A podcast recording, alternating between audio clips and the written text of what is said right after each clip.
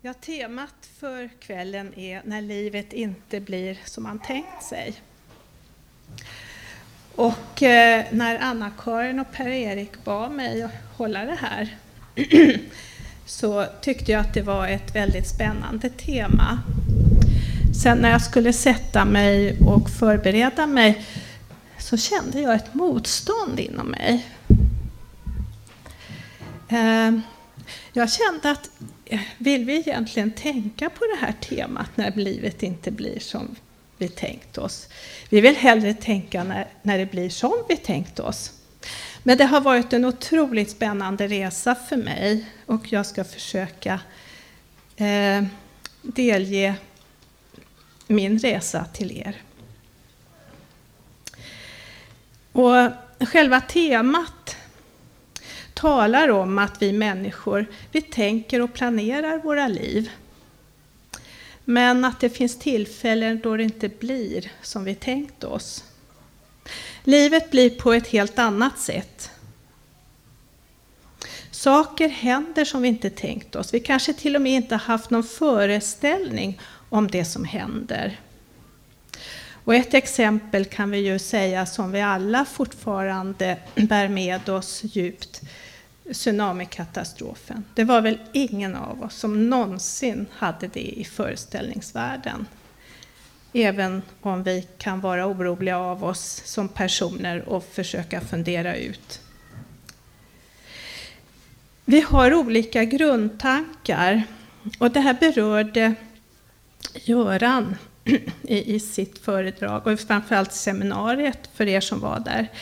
Det kallas för scheman eller automatiska tankar som styr våra förväntningar. Och har jag då varit med om mycket svåra saker som barn förväntar jag mig kanske mer negativa händelser i livet än om jag varit mer förskonad ifrån sådana händelser. Och livet kanske då till och med kan bli mycket bättre än jag förväntar mig. Eh, och jag har funderat över om det finns några mer allmänmänskliga tankar och önskningar för livet.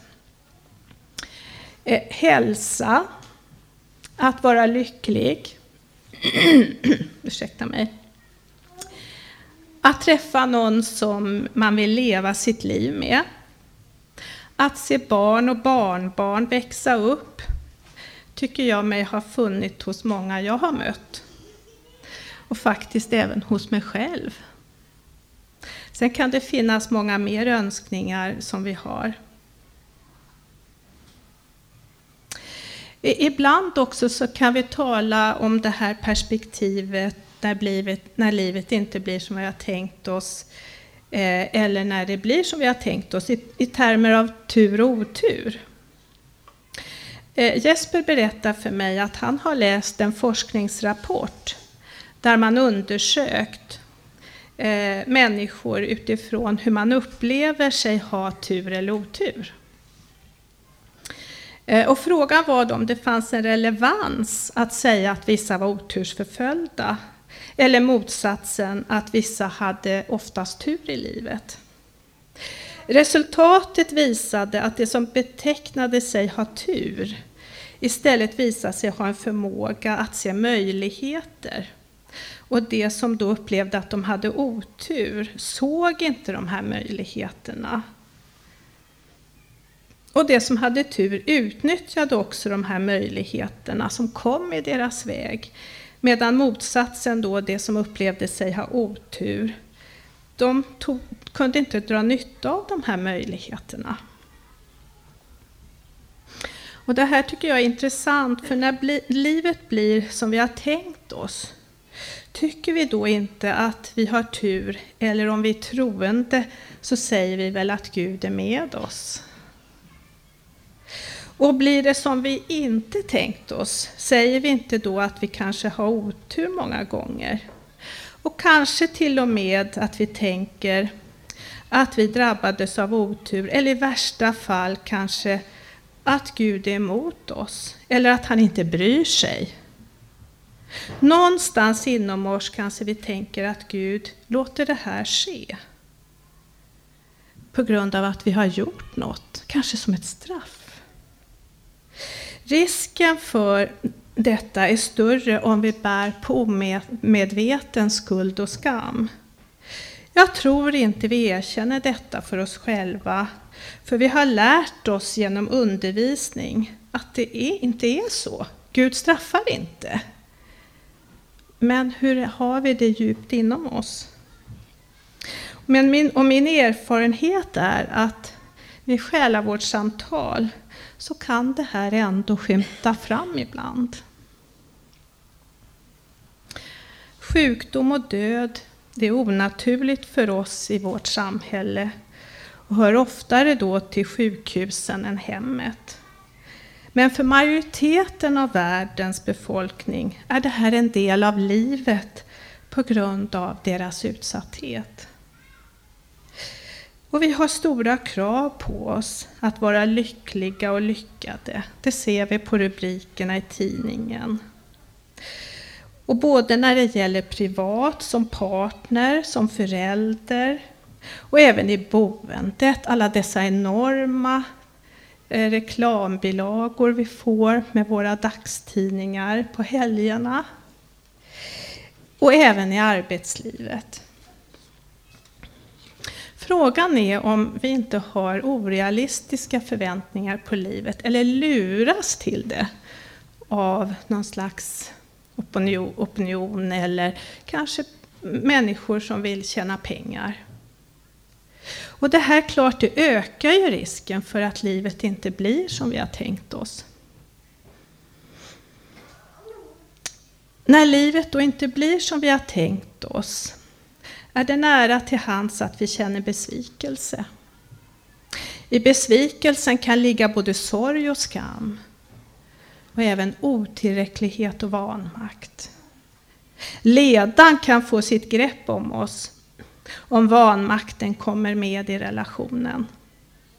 Finns det ilska med i situationen och vi inte riktigt vill erkänna det eller inte upplever det så kan bitterhetens rötter slå rot i oss.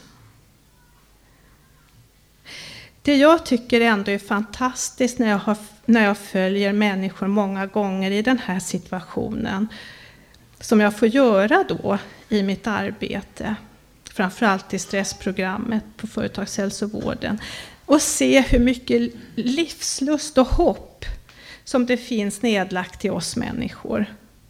Efter det att den här första reaktionen av besvikelse och sorg har lagt sig. Och jag är helt övertygad om att vi alla har erfarenheter av att livet inte blir som vi tänkt oss, både i stort och smått. Och eh, vi pratar lite om det här vid mat och kaffe, att det är nog ofta det inte blir som vi har tänkt oss. Och Bibeln vittnar också om detta.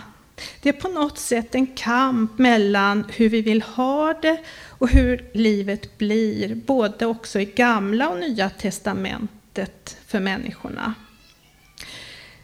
Jesaja 53 och 6 berör något som jag personligen tror kan vara en viktig del i den här problematiken.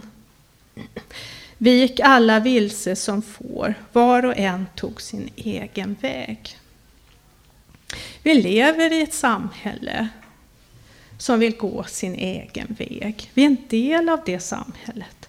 Och vi har det också på något sätt i oss.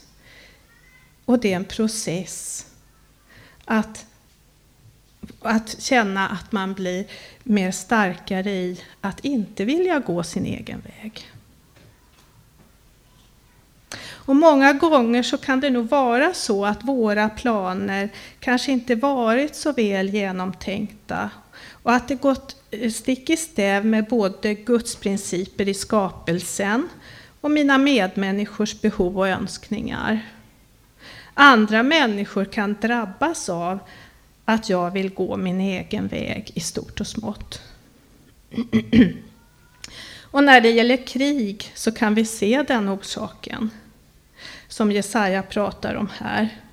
Och det påverkar då hela länder och folk och generationer.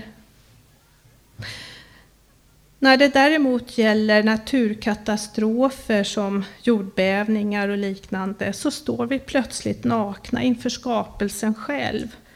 Och vi får inse att livet, att vi lever på ett glödgande klot med en mycket tunn skorpa som har den temperatur som vi klarar av. Några kilometer under våra fötter är marken rödglödgande och flytande. Och några kilometer ovanför oss, eh, våra huvuden, så tar luften slut. Vår önskan att bo nära vatten är något nytt egentligen för vår tid. Eh, förr visste man att man inte bygger nära flodstränderna på grund av risk för översvämningar. Utan man valde då att lägga sina hus högre upp på höjderna. Det finns alltså gränser i naturen som vi inte ska överskrida. Det handlar inte om tur eller otur, utan om att se sammanhang och att vara klok och förutseende. Och jag tror att det finns många bland er som är engagerade i det här med eh, ekologiska system och att vara rädd om naturen. Så det skulle vi kunna ha en hel kväll om bara det. När det då gäller sjukdom och död så står vi ofta inför situationer som vi inte alltid har kunnat, kunnande och resurser för att klara av. Även om den medicinska vetenskapen går framåt med stormsteg.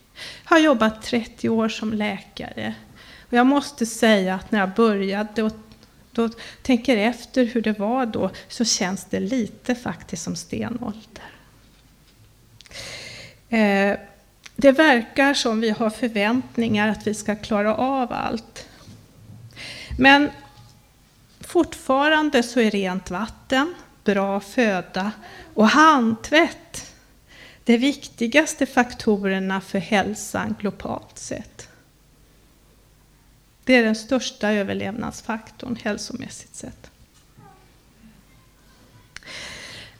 Inom den själavårdsrörelse som Jesper och jag är verksam i, Helhet genom Kristus, som också Anna-Karin nämnde här, eh, så bygger mycket av, av den undervisning som vi får vara med och ge på de olika, eh, våra olika eh, undervisningspass som vi kommer berätta om sen imorgon. Det bygger på egna vittnesmål och erfarenheter.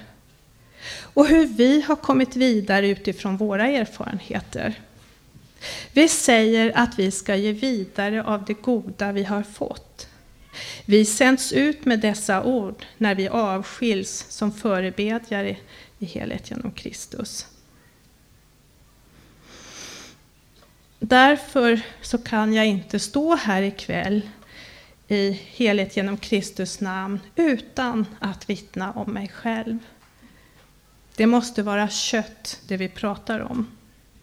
Och vad har jag själv då för tankar om hur jag vill ha livet och vad har jag själv för erfarenheter av att livet inte blivit som jag tänkt mig?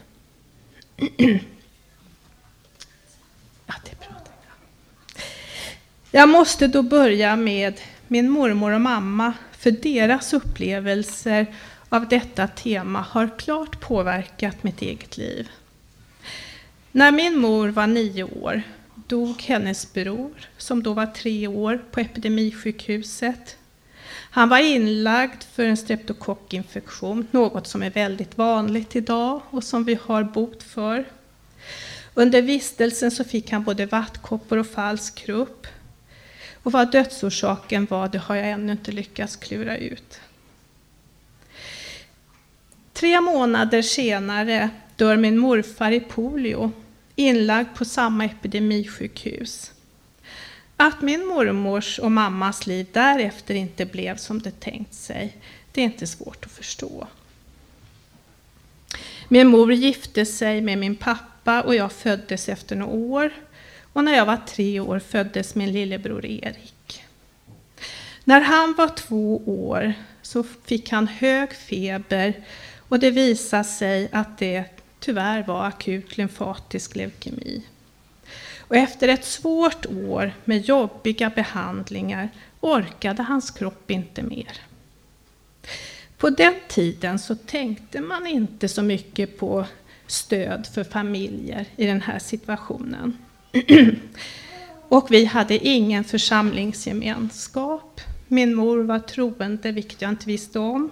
Och min far var en stor sökare hela livet. För annars är ju det en rik tillgång i sådana här sammanhang. Men det hade nog varit bra för mig att få det här stödet och mina föräldrar. Jag blev dock den duktiga, lyhörda dottern dottern till två sörjande föräldrar när jag var fem år gammal. Och det här har givetvis präglat mitt liv, både privat och i arbetslivet. Mitt yrkesval till läkare har säkert sina rötter i den här upplevelsen. Men jag tycker en positiv sådan. Svåra upplevelser behöver inte enbart få negativa resultat. Det kan ge livslust och styrka också. Vi har levt och lever ett bra liv och det finns mycket hos min mormor i livslust, eller fanns mycket hos min mormor i livslust och sund anpassning som varit en förebild för mig. Och det finns fortfarande hos min mamma idag.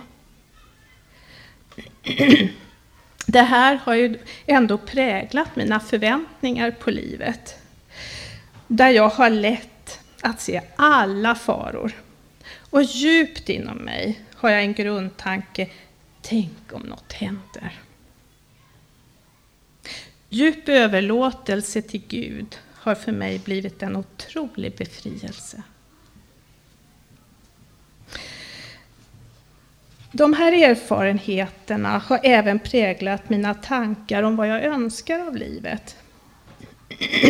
Genom min upplevelse av att en älskad bror plötsligt inte finns en dag önskar jag att både jag själv och mina nära och kära ska vara rädda om relationer. Ibland har det nästan varit kanske som ett krav ifrån mig. Med det menar jag inte att man inte får gräla och bråka. Det jag menar det är att inte avreagera sig på andra för att lösa sina egna konflikter. Det är självklart att det inte alltid blir så. Men det finns som en slags underton i mitt liv när det gäller relationer. Och det är för mig också lika viktigt att inte ha den här bekväma likgiltigheten i relationer. Själv väljer jag det jag vill stå upp och kämpa för och kanske ta en kamp om med risk då för att någon ska bli arg.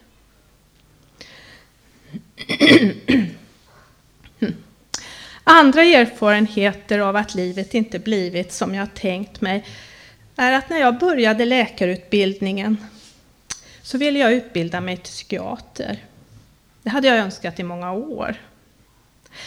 Men när jag kom till primärvården upptäckte jag hur mycket man kan förebygga där när det gäller psykiska problem. Och det här med kroppen var otroligt spännande. Så jag valde att bli allmän specialist, generalist. Det har dock inte varit helt smärtfritt för mig. För mitt intresse då för människors psykiska problem och hälsa har gjort att jag många gånger gett alldeles för mycket av mig själv i en konsultation. Som även då innehållit självklart kontroll, kroppskontroller för kroniska sjukdomar och så vidare. Och ett tag så trodde jag att jag hade valt fel.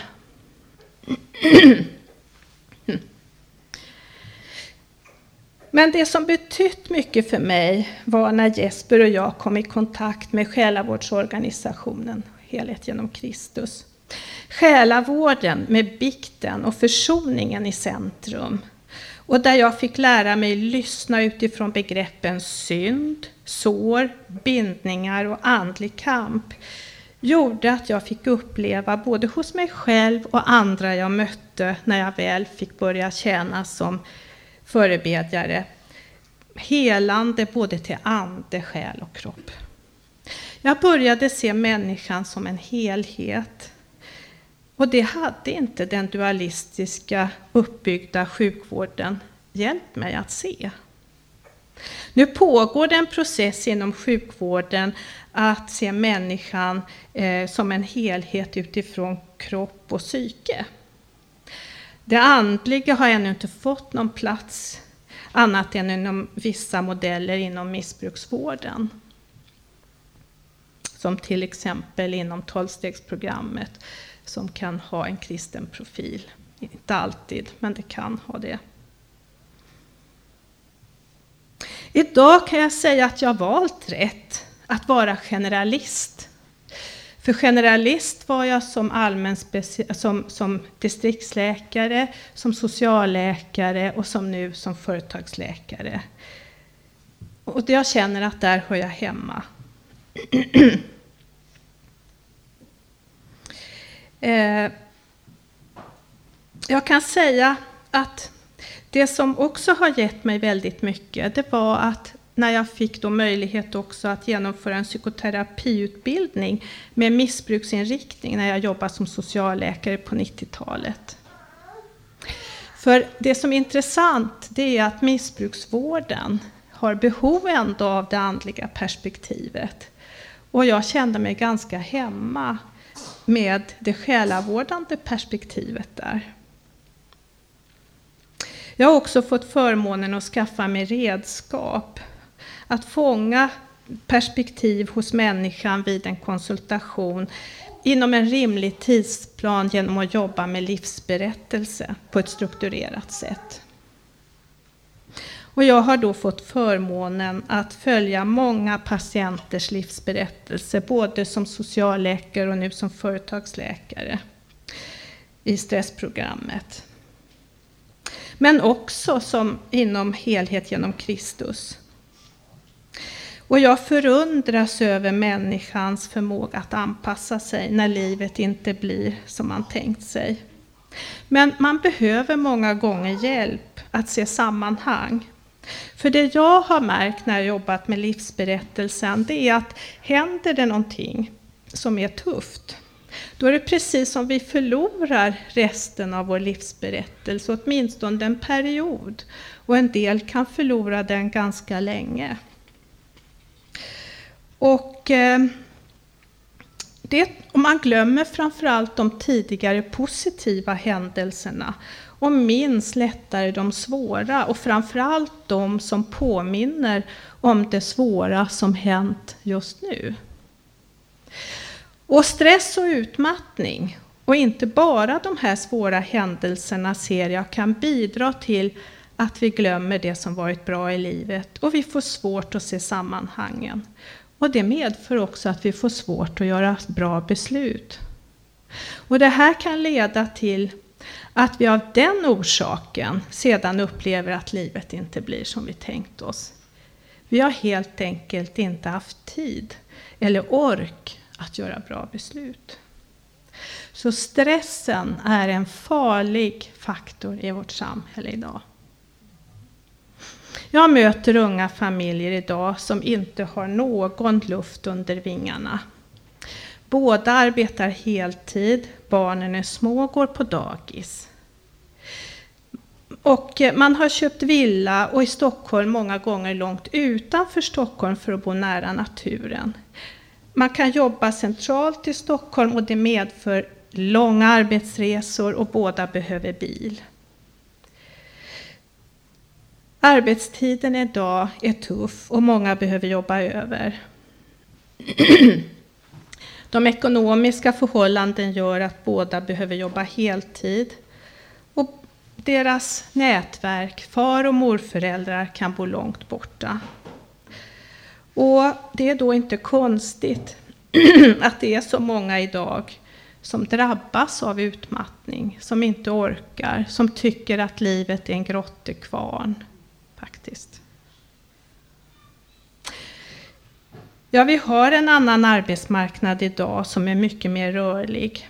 Det står i tidningarna till och med att personer som fyllt 40 år anses i vissa sammanhang vara gamla på arbetsmarknaden. Och vi har själva genomgått en svår tid då Jesper var en av många chefer som ansågs för gamla på Ericsson för några år sedan. Yrkeslivet blev inte riktigt vad du hade tänkt dig Jesper. Men du arbetar idag som konsult och du berättat för mig att det här, du börjar se fördelar med det. Men vi i familjen, vi såg positivt på den här förändringen. För Jesper arbetade otroligt mycket och vi var jätteoroliga för Jesper.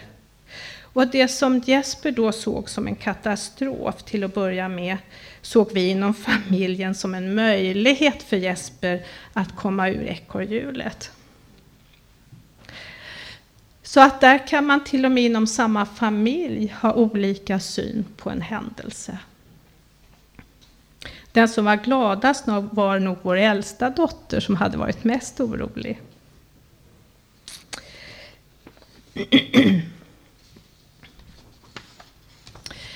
Eh, för mig så har dock en marsdag 1973 påverkat mitt liv minst lika mycket som när jag gifte mig med Jesper och när vi fick våra tre barn, när de föddes.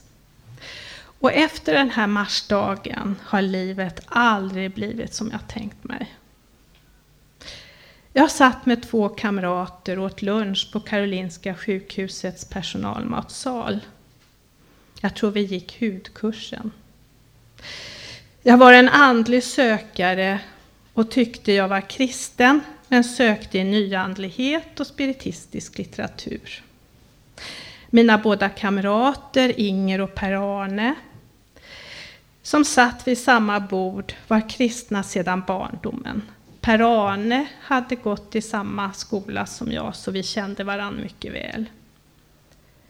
Tillsammans med Jesper då.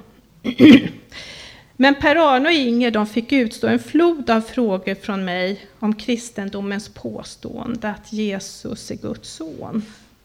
Jag tyckte kristendomen var instängd. Per-Arne visade i sitt kroppsspråk att han tappade tålamodet.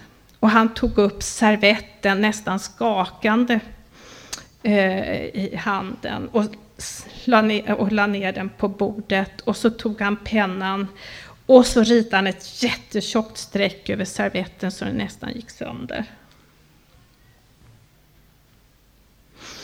Och han sa till mig att den ena halvan var Guds rike och den andra halvan var den fallna världen. Så ritade han en dörr på linjen och sa att man bara kan komma till Guds rike genom dörren Jesus Kristus. Och tillhör man inte Jesus, tillhör man inte Guds rike. Och så sa han, låt de döda begrava sina döda. Och det var nog tack vare den spiritistiska litteraturen. Plötsligt så insåg jag, ja jag kan säga, han riskerade ju att jag skulle bli jättearg. Men jag kände han att, ja efterhand så kan jag säga att det är väl en kärlek att visa det. Men plötsligt så insåg jag vem Jesus var. Och jag sa tyst för mig själv. Jesus, jag vill inte tillhöra det onda, jag vill tillhöra dig. Och när jag sagt det här så var det som en rullgardin gick upp i mitt inre. Och det blev ljust inom mig. Och jag kände en behaglig värme i hela kroppen. Och genom ett fönster i matsalen, på den tiden så fanns det ett runt fönster högt uppe, så såg jag som en sol. Och som innehöll som ett ansikte, men som ändå inte var ett ansikte. Så här i efterhand kan jag säga att det liknade mest, om ni har sett Bo Zetterlind, hade någon bok med något sol och ansikte på någon av sina diktböcker. Det liknade mest det. Det här var en mulen marsdag med duggregn. Mina kamrater märkte inget. Och inom mig så hörde jag som en Bachkör. Jesus lever, Jesus lever. Och jag var helt medveten om att det var bara jag som upplevde det här. Och jag var jätteglad för det, för jag var totalt chockad. Ni, funder, ni förstår ju att en blivande doktor funderar hallucinationer. Och både syn och hörsel på en gång. både syn, hallucinationer brukar ju vara toxiska. Hade inte druckit någonting alkohol. Nej, så jag var jätteglad att de inte märkte något. Och jag sa ingenting. Eh, jag sa ingenting förrän vi åkte hem sent på eftermiddagen. Då åkte vi med samma buss och jag berättade. Och jag fick möta kyrkans lite olika syn med en gång. För jag var barndöpt och jag tillhörde Sundbybergs församling. Sådär som man, ja, lamt sådär som man kan göra i vanliga fall. Jag var konfirmerad och så vidare. Men det min kära Per-Arne sa, du måste döpa dig med en gång. Det där värjde jag mig ifrån. Men eh, att jag mött den uppståndne Kristus, som jag hade hört om då vid konfirmationen, det var jag helt övertygad om. Jag har aldrig haft någon liknande upplevelse sedan dess. Däremot har jag upplevt Guds närhet och Guds kärlek och gå från tro till tro och så. Det har jag upplevt genom människor i min väg som har hjälpt mig att fördjupa min tro och så vidare. Och framför allt se människor befrias. Det är helt fantastiskt i själavårdssamtal. Det ger verkligen styrka och tron och glädje. Jag tror att den här upplevelsen var sekundsnabb. Men den omprogrammerade hela min inre känslovärld. Och, har, och gör så fortfarande. Det är ingen skillnad. Det är fortfarande ljust i grunden. Ett bibelord som jag hittade många år senare som kunde tolka lite av det jag hade upplevt. Det tolkar Paulus i Andra Korinthierbrevet, fjärde kapitlet, sjätte till sjunde verserna. Ty Gud som sade, ljus ska lysa i mörkret, har lyst upp mitt hjärta för att kunskapen om Guds härlighet som strålar från Kristi ansikte ska sprida sitt ljus. Denna skatt har jag i ett lerkärl för att den väldiga kraften ska vara Guds och inte komma från mig.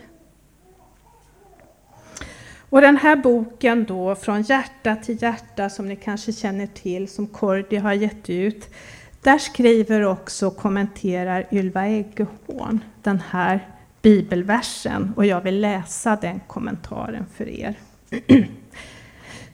Jag är rädd för mina sprickor, Herre. Jag önskar att jag kunde ge mitt liv en vackrare form. Här är jag, kantstött och repig. Mina övermålningar höll inte. Det är verkligen inte svårt att genomskåda mig. Och så råkar jag sätta på radion och hör Leonard Cohen sjunga There is a crack in everything. That's where the light comes in. Det finns en spricka i allt. Det är där ljuset lyser igenom. Och jag tänker på utflykten vi gjorde till det där skäret ytterst i havet. En av de varmaste sommardagar jag varit med om. Det var bara en liten klipprygg som reste sig ett par meter ovanför vattenytan. Man kunde gå över ön på några minuter. Men när vi steg i land möttes vi av hundratals kraftfulla stånd av kärleksört som lyfte sina frökorgar mot ljuset. Styrmosvioler, större än några jag tidigare hade sett, och lysande baldersbrå blickade mot oss. Var kom allt det där livet ifrån? Så mot alla odds. Det kom ur sprickorna ur den berggrund som frusit sönder i de långa vinternätterna. Bara där kunde mylla bli till. Bara där kunde livet bryta fram, bryta igenom. Klippa, du som brast för mig. Den gamla sången visste inte hur rätt den hade.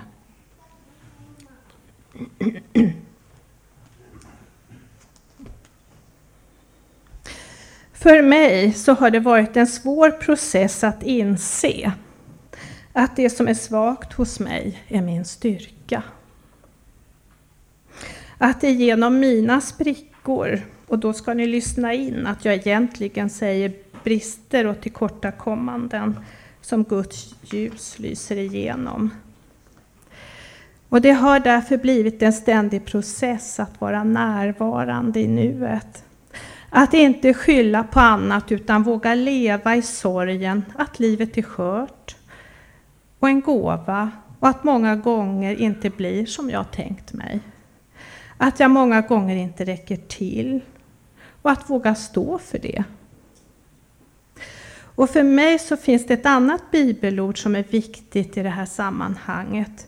Och det är när Paulus säger till korintierna i sitt andra brev i sjunde kapitlet, tionde versen. En sorg efter Guds vilja leder till en omvändelse som ger frälsning och som ingen behöver ångra. Medan världens sätt att sörja leder till liv. Den gamla översättningen var En sorg efter Guds vilja leder till omvändelse och liv. Det är också fint. Och för mig då så har berättelserna i Bibeln hjälpt mig som exempel och förebilder i livet att förstå både mina och andras reaktioner. Lärjungarna förstod inte förrän efter Jesu uppståndelse det Jesus sagt till dem om sin egen kallelse och sitt uppdrag. Det tror jag vi alla kan hålla med om.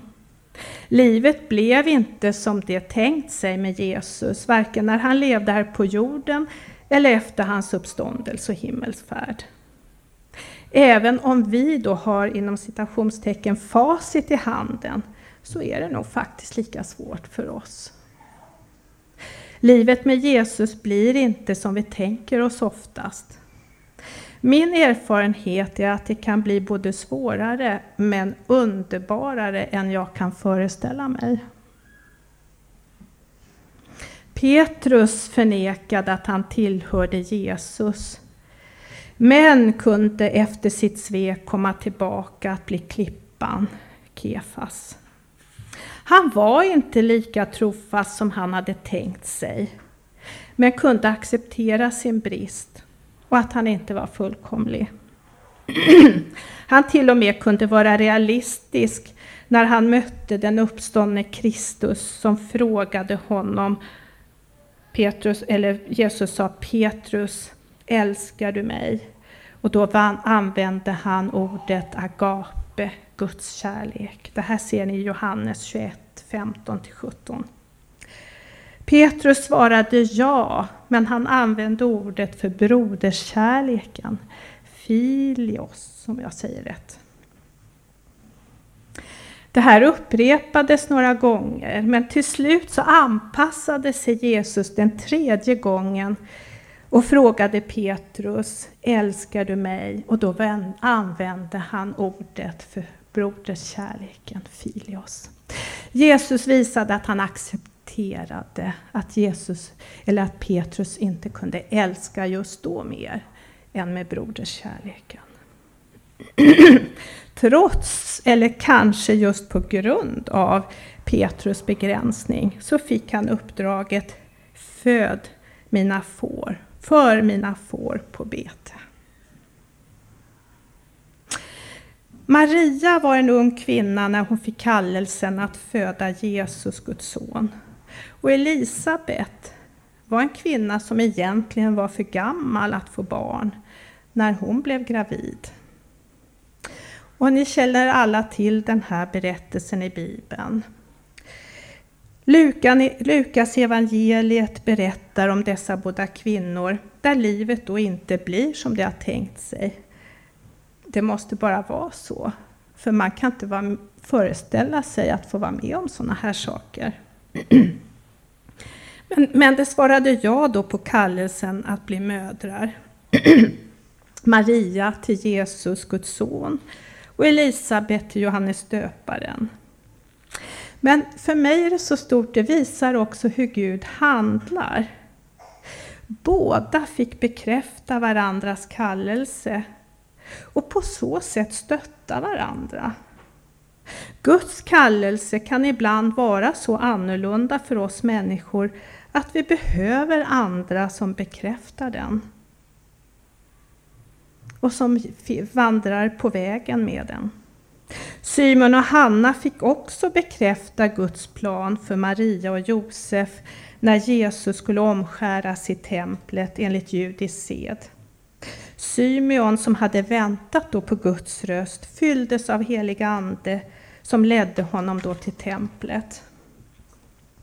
Han tog Jesusbarnet och säger mycket, men jag tar bara det han säger till Maria.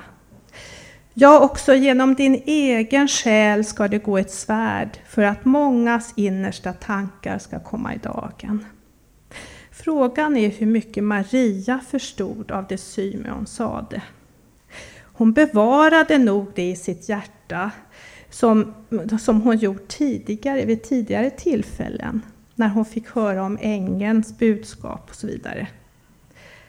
Storheten och även lidandet i uppdraget förstod hon nog med största sannolikhet först efter Jesu död och uppståndelse. Och vad kan vi då dra för slutsatser av det här, de här korta, blink, de här korta eh, vad ska vi säga, glimtarna ifrån från mitt liv och ifrån Bibeln? När livet inte blir som vi tänkt oss så kan vi ändå söka andra möjligheter som ibland faktiskt blir bättre än vad vi tänkt oss. Om vi i det här sammanhanget upplever besvikelse och sorg så kan vi be Gud hjälpa oss. Det finns en sorg efter Guds vilja som leder till omvändelse och liv, som ger frälsning och som ingen behöver ångra. För mig så är det en rikedom att ha tillgång till försoningen i Jesus Kristus, till bikten som ger mig möjlighet att sörja efter Guds vilja och som leder till liv. Det är för mig en ingångsport till det här bibelordet.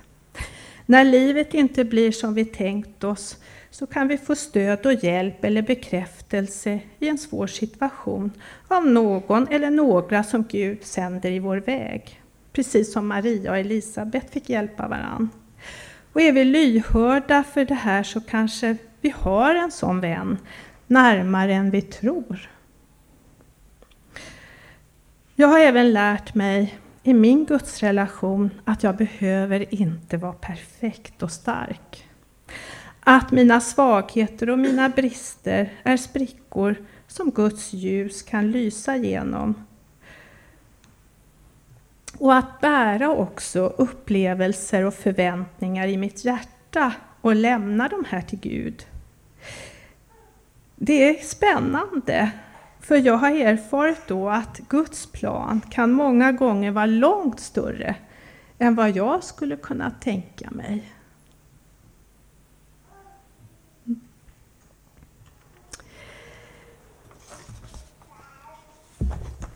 Vi brukar i Helhet genom Kristus i samband med en sån här ja, vittnesbörd och när vi då har en förbönsgudstjänst efteråt så brukar vi lämna den här, vi kan säga att vi har ett öppet slut.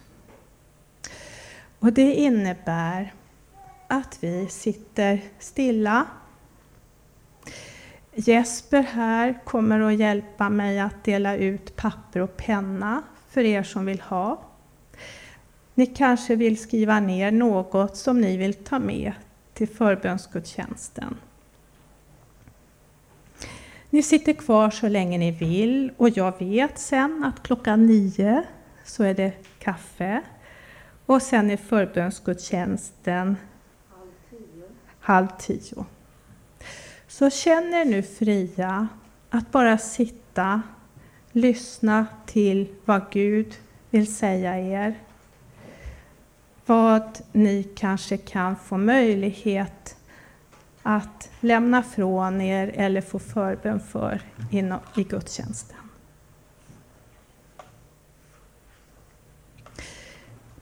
Vi ska också sjunga till C-sången. Varsågoda.